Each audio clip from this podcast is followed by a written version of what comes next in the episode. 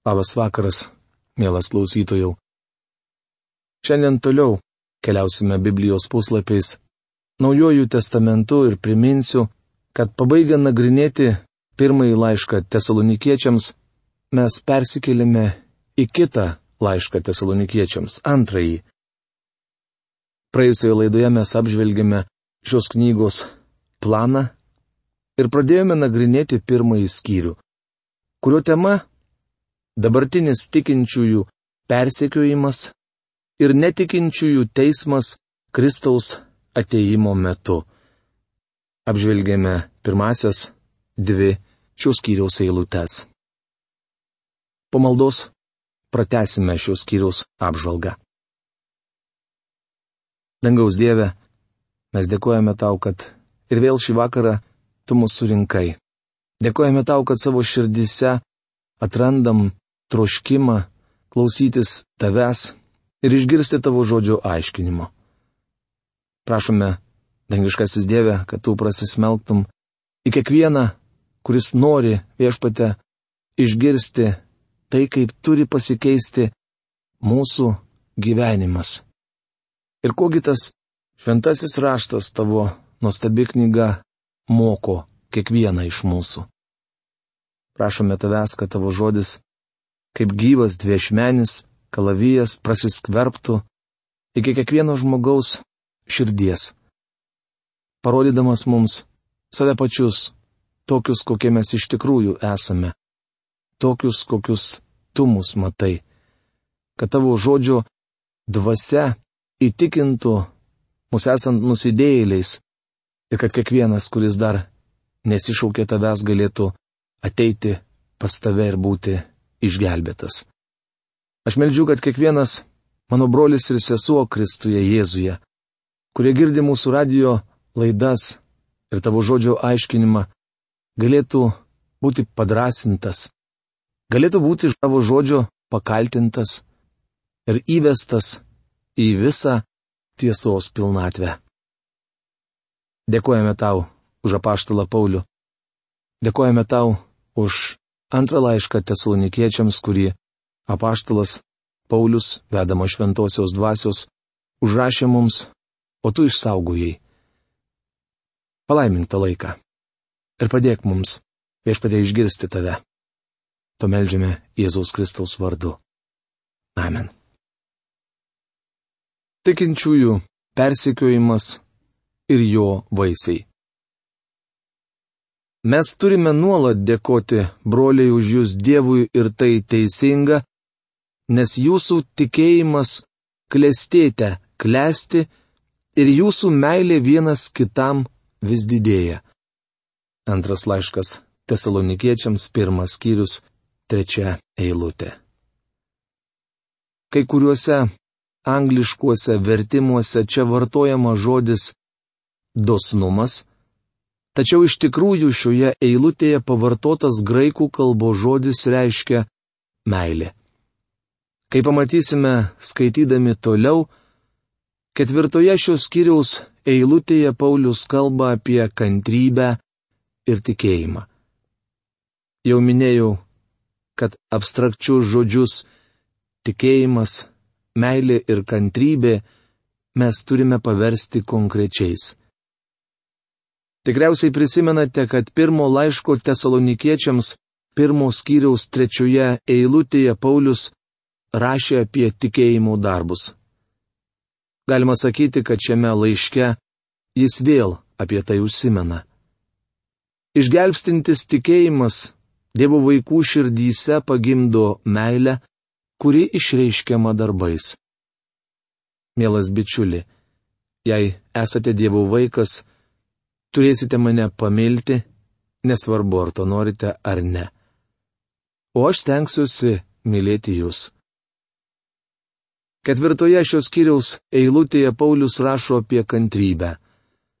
Kaip jau minėjau, jis kartu vartoja žodžius meilė ir tikėjimas. Atkreipkite dėmesį, kad čia kalbama ne apie tą kantrybę, kai esame priversti laukti automobilių eismo grūstyje arba laukiame, kol įsižieps žalia šviesoforo šviesa. Tai kantrybė, be kurios neįmanoma gyventi dėl Dievo ir priimti visko, ką Jis mums duoda.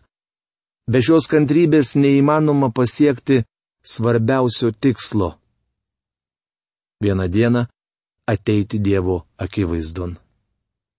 Ji įgalina mus iškesti patiriamus sunkumus. Laiško romiečiams 8 skyriaus 28 eilutėje apaštalos Paulius rašo, jog mylintiems Dievą viskas išeina į gerą. Krikščionio gyvenimas panašus į kelionę greitkeliu. Prieš daug metų automobiliu per visą šalį važiuodavau iš Teksaso į Kaliforniją. Daugelį vietų aplinkelio ženklai nukreipdavo mane į seną, nelygų kelią. Kai važiuodamas pamatydavau ženklą, kuriame būdavo parašyta penkios mylios iki dviejų dalių automobilių magistralis, tas nelygus kelias atrodydavo šiek tiek lygesnis. Nežinodavau, jog netrukus važiuosiu asfaltuotą ar betonuotą magistrale. Daugelio iš mūsų gyvenimas panašus į kelionę nelygių aplinkelių nes dažnai tenka kentėti. Tačiau jei turite gerą ateities perspektyvą, jis suteiks jums ištvermingumo ir vilties, kad greitai prasidės geras, lygus kelias. Jis gali būti arčiau nei manote. Skaitome toliau. Mes turime nuolat dėkoti broliai už jūs Dievui ir tai teisinga. Žodis teisinga čia reiškia tinkama. Tai reiškia, kad dėkodami Dievui mes elgiamės teisingai.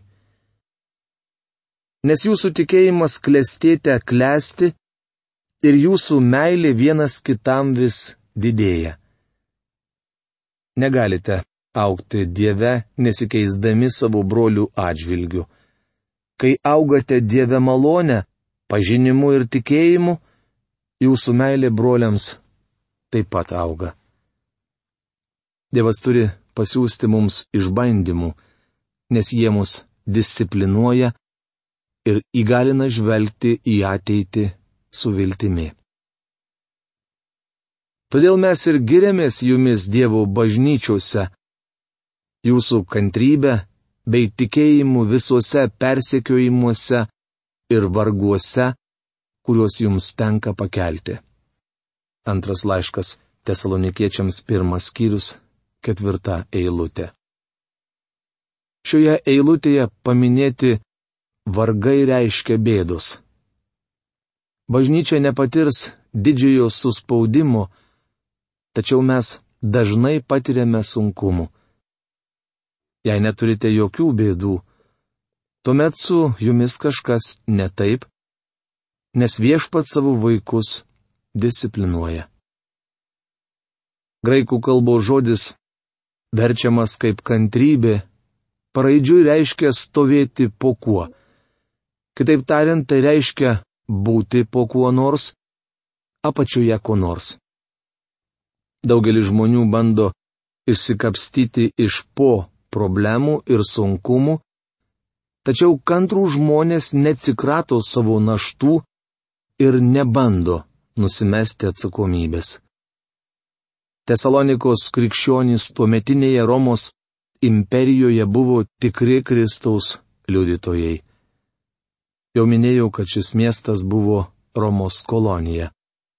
Į Tesaloniką dažnai atvykdavo ir iš jos išvykdavo daugybė žmonių, todėl plačiai pasklido kalbos apie krikščionis.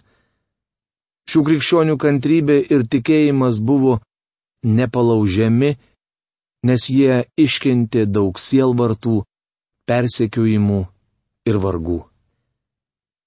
Vargai nėra kažkas neįprasto. Dievo žodėje aiškiai sakoma, jog šiame gyvenime mums teks jų patirti. Paskaitykime, ką apie tai rašo apaštalas Petras.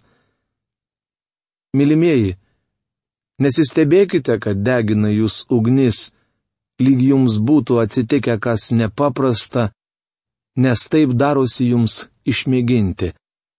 Rašoma pirmame Petro laiške, ketvirtos skyriaus, dvyliktoje eilutėje. Kartais girdime krikščionis skundžiantis. Nežinau, kodėl Dievas leido, kad man taip nutiktų. Niekam kitam neteko to patirti. Galima drąsiai sakyti, jog toks teiginys neteisingas. Nesvarbu, ką jums tektų išgyventi, yra žmonių, kurie patyrė tą patį. Natūralu, kad mums tenka kentėti. Pirmo Petro laiško ketvirtos skyriaus tryliktoje eilutėje skaitome. Verčiau džiaukitės dalyvaudami Kristaus kentėjimuose, kad ir tada, kai jo šlovė apsireikš, galėtumėte džiūgauti ir linksmintis. Toliau apaštalas įspėja, jog kartais krikščionys patenka į bėdą dėl savo kalties. Tik tegul niekas iš jūsų nekenčia kaip žmogžudys, vagis, piktadarys ar įkiruolis. Rašoma pirmame Petro laiške ketvirtame skyriuje penkioliktoje eilutėje. Tai reiškia, kad dėl per didelio plepumo arba nesažiningo elgesio krikščionys gali patirti nemalonumų. Akivaizdu, kad iš tokių kentėjimų jokios naudos. Tai nėra kantrybė ugdanti gyvenimo disciplina. Tokie žmonės paprasčiausiai gauna tai, ko yra nusipelnę. Toliau Petras rašo, bet jei nukenčia kaip krikščionys, tegul nesigėdija, o te garbina šiuo vardu Dievą. Pirmas Petro laiškas, ketvirtas skyrius, šešiolikta eilutė. Akivaizdu, šiame laiške kalbama apie du skirtingus dalykus - discipliną, kuri ugdo kantrybę ir bausmę nedorėliams. Dievas savo vaikus disciplinuoja, kad jie auktų, tobulėtų, būtų kantrus ir turėtų ateities viltį. Mes neturėtume siekti labai patogiai įsikurti čia žemėje, nes tuomet nustojame matyti viešpaties sugrįžimo viltį. O tai ir yra teisingo Dievo teismo požymis. Jūs turite tapti verti Dievo karalystės, dėl kurios kenčiate. Antras laiškas tesalonikiečiams pirmas skyrius penkta eilutė. Mūsų kentėjimai neturi nieko bendra su išgelbėjimu, tačiau jie be jokių abejonių paruošia mus amžinybei. Kai mūsų žemiškas gyvenimas baigsis, galbūt kai kurie iš mūsų gailėsimės, kad patyrėme tiek mažai disciplinos. Nuo šios kiriaus aštuntos eilutės prasideda nedorelių teismo aprašymas. Eilutė, kurią dabar skaitysime, yra įžanga į tai. Teisinga, kad Dievas atmokės jūsų prispaudėjams priespaudą. Antras laiškas tesalonikiečiams pirmas skyrius šešta eilutė. Dievo teismas yra teisingas. Laiško romiečiams devintos skyriaus keturioliktoje eilutėje Paulius klausia. Gal Dievas neteisingai daro? Ir taip pat kategoriškai atsako nieku būdu. Tai, ką Dievas daro, yra visiškai teisinga. Jis negali neteisingai elgtis. Kartais mes skundžiamės dėl mums nutinkančių dalykų, nes neišmanome ir nesuprantame Dievo kelių. Tačiau jis turi labai aišku tikslą. Dievas yra teisus, pasiūsdamas didįjį suspaudimą, nes tai nusidėjėlių teismas. Teisinga, kad Dievas atmokės jūsų prispaudėjams priespaudą, O jums, engiamiesiems, atilsiu draugę su mumis, kai viešpats Jėzus su savo galybės angelais apsireikš iš dangaus. Antras laiškas tesalonikiečiams, pirmas skyrius, septinta eilutė. Akivaizdu, kad viešpats Jėzus ateis teisti. Nedorelių teismas Kristaus ateimo metu liepsnojančioje ugnyje ir atmokės tiems, kurie nepažįsta Dievo ir nepaklūsta mūsų viešpaties Jėzaus Evangelijai. Jiems teks kentėti amžiną pragaištį, atstumtiems nuo viešpaties veido ir nuo jo šlovingos galybės. Antras laiškas tesalonikiečiams pirmas skyrius 8-9 eilutės. Iš tiesų Dievo žodyje apie dangų parašyta labai nedaug. Viena iš priežasčių yra ta, jog dangus toks nuostabus, kad mes negalime to suvokti. Bet to viešpats nenori, kad mes taip užsisvajotume apie dangų, jog pamirštume žemiškus reikalus. Jis nori, kad mūsų akis žvelgtų į žemišką kelią. Manau, jog jis nori, kad didžiąją dalį laiko darbuotumėmis. Kitaip tariant, jis turi tikslą mūsų gyvenimui žemėje ir nori, kad mes tą tikslą įgyvendintume. Apie pražuvusiųjų padėtį šventajame rašte kalbama dar mažiau nei apie dangų.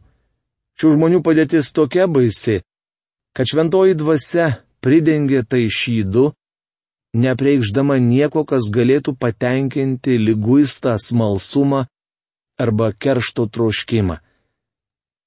Dievas teisė ne iš keršto. Jis taip elgėsi tam, kad įrodytų savo teisumą ir šventumą. Šventajame rašte apie pragarą neparašyta nieko, kas patenkintų mūsų smalsumą, tačiau pasakyta pakankamai, kad būtume įspėti. Tai nereiškia, jog pragaras netoks realus, nes apie jį labai mažai parašyta. Atidžiai studijuodami šventą įraštą pamatytume, jog pats Kristus apie pragarą kalbėjo daugiau nei kas nors kitas. Mielas bičiuli. Pragaras yra siaubinga tikrovė. Nesiuošiu jūsų gazdinti. Aš tik cituoju tai, ką šiame laiške rašo apaštalas Paulius. Kristus ateis liepsnojančioje ugnyje ir atmokės tiems, kurie nepažįsta Dievo ir nepaklūsta mūsų viešpatės Jėzaus Evangelijai. Jiems teks kentėti amžiną pragaištį, atstumtiems nuo viešpaties veido ir nuo jo šlovingos galybės. Šiandien pragaras yra tapęs pajokos objektu, tačiau tai nereiškia, jog jis neegzistuoja. Kartais mūsų įsitikinimai remiasi vien gražiomis svajonėmis. Pavyzdžiui, buvo plačiai paplitusi nuomonė, kad Hitleris nepradės karo ir nepavers Europos liepsnojančių holokaustų. Tačiau tai įvyko. Anglijos ministras pirmininkas Chamberlainas po susitikimo su Hitleriu ir Musoliniu pareiškė, jog pasaulyje viešpataus taika. Tačiau tuo metu pasaulyje jokios taikos nebuvo. Akivaizdu, kad jos nėra ir dabar. Antrojo pasaulinio karo metais daugelis žmonių mane, jog Japonija niekuomet nepuls Junktinių Amerikos valstijų. Amerikos vyriausybė netikėjo, kad taip gali atsitikti, o liberalios bažnyčios tuo laiku mokė pacifizmo. Tačiau nepriklausomai nuo to, ar jie tikėjo ar ne, didžiausia amerikiečių karinė bazė Ramiajame vandenyne buvo žiauriai užpulta.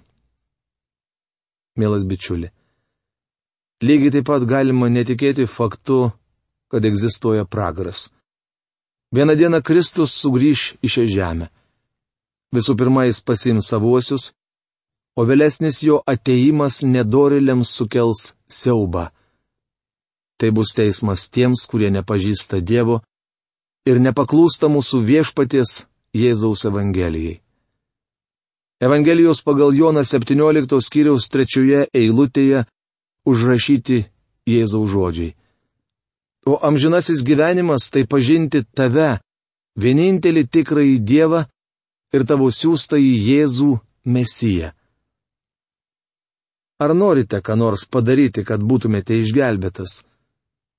Evangelijos pagal Joną 6 skyriaus 29 eilutėje skaitome tokius Jėzaus žodžius. Tai ir bus Dievo darbas. Tikėkite tą, kurį jis siuntė. Žinau, jo kalbėti apie pragarą ir teismą nepopuliaru. Netgi krikščionių liudijimuose pilna aš, mano, man. Dažnai tenka skaityti ar girdėti, man pasisekė versle. Aš išgelbėjau savo santuoką. Pasikeitė mano charakteris. Tačiau apie viešpati Jėzų kalbama nedaug. Kiek liudijimų esate girdėję, kuriuose žmonės sako, buvau pražuvęs, į pragarą pasmerktas nusidėjėlis, o jis mane išgelbėjo. Liudijant svarbu pasakyti ne tai, ką jis davė, bet nuo ko jūs išgelbėjo. Toks ir buvo mūsų gelbėtojo ateimo tikslas. Jis atėjo mūsų atpirkti. Jis atėjo ne dėl to, kad pakeistų mūsų charakterius ar kad mus lydėtų sėkmė. Jis atėjo išgelbėti mūsų nuo pragaro. Žinau, kad nepopuliaru taip kalbėti. Ir žmonėms nepatinka tai girdėti. Šiais laikais labai nedaug žmonių išdrįsta pasakyti kitiems į akis tiesą, jog jiems reikalingas gelbėtojas. Įsivaizduokite, jog miegate degančiame pastate ir į kurį įbėga žmogus norintis jūs išgelbėti. Jis pažadina jūs, griebė ir išneša laukan. Kadangi jūs tam žmogui patinkate, jis jūs įsisūnyje ir parsivedęs į savo gražius namus duoda jums daug nuostabių dovanų. Jeigu turėtumėte galimybę atsistoti prieš grupę žmonių ir papasakoti apie šį žmogų bei jo akivaizdoje išreikšti savo dėkingumą, nuo ko pradėtumėte? Ar padėkotumėte jam už tai, kad jūs įsūnijo? Viliuosi, kad taip. Bet manau, kad pirmiausia padėkotumėte už tai, kad jis rizikuodamas savo gyvybę išgelbėjo jūs iš degančio pastato. Jei tas žmogus nebūtų to padaręs, niekas kitas nebūtų svarbu. Mielas bičiuli, artėja pražuvusiųjų teismas. Jei norite pasilikti tarp jų, būsite teisiamas. Kas nors turi jums pranešti šią žinę. Ir tai darau tiesiog dabar. Tikriausiai jums kyla klausimas, kas yra pražuvusieji. Tai tie, kurie nepažįsta Dievo ir nepaklūsta mūsų viešpatės Jėzaus Kristaus Evangelijai. Leiskite pakartoti šios kiriaus devintą eilutę. Jiems teks kentėti amžiną pragaištį atstumtiems nuo viešpaties veido ir nuo jo šlovingos galybės. Kai jis ateis, kad pasirodytų tą dieną garbinga savo šventuosiuose, ir nuostabus visuose, kurie įtikėjo. Jūs irgi patikėjote mūsų liudijimu. Antras laiškas tesalonikiečiams pirmas skyrius dešimta eilutė. Kristaus ateimo į žemę metu tie, kurie juo pasitikėjo, bus išteisinti ir tai pašlovins gelbėtoje. Todėl mes nuolat melžiamės už jūs, kad mūsų Dievas padarytų jūs vertus savo pašaukimo ir savo galybę tobulintų gerus jūsų užmojus bei veiklų tikėjimą. Tada mūsų viešpatės Jėzaus vardui bus garbė jumise, o jums jame iš mūsų Dievo ir viešpatės Jėzaus Kristaus malonės. Antras laiškas tesalonikiečiams pirmas skyrius 11-12 eilutės. Tada mūsų viešpatės Jėzaus vardui bus garbė jumise. Mielas bičiuli, Puiku, jei jūs lydi finansinė sėkmė ir jūs galite šlovinti Kristų. Asmeniškai man didesnį įspūdį daro moteris, didžiąją dalį gyvenimo praleidusi lygos patale, tačiau turinti stulbinanti Kristaus liudijimą. Kristus tikrai yra pašlovintas joje. Taigi, mielas klausytojau, klausimas jums. Mąstykite ir tirkite, svarstykite, galvokite ir nuspręskite, su kuo jūs. Ar pažįstate Jėzų Kristų kaip savo asmeninį gelbėtoją? Ar pripažįstate jį Dievu ir vieninteliu tarpininku tarp žmogaus, atlikusi amžinojo atpirkimo darbą, atidavusi savo gyvybę už daugelį, prikeltą iš kapo ir pašlovinta šiandien esanti Dievo aukštybės dešinėje. Ar pažįstate jį asmeniškai? Jeigu Biblijos žodis, kuris yra pamokslaujamas, jūs jaudina ir atrandate savo širdise troškulį, jeigu pripažįstate esas kaltas Dievo akise ir išpažįstate tai Dievų ir žmonių akise. Jisai yra ištikimas ir teisingas, kad atleistų jums visas jūsų nuodėmes ir apvalytų jūs nuo bet kokios neteisybės ir ateitų ir apsigyventų jumise. Mėlyji, mano malda, kad kiekvienas iš jūsų perprostumėte ne tik savo protu, bet ir savo širdimi šios išganimo žodžius. Iki kito sustikimo. Sudė.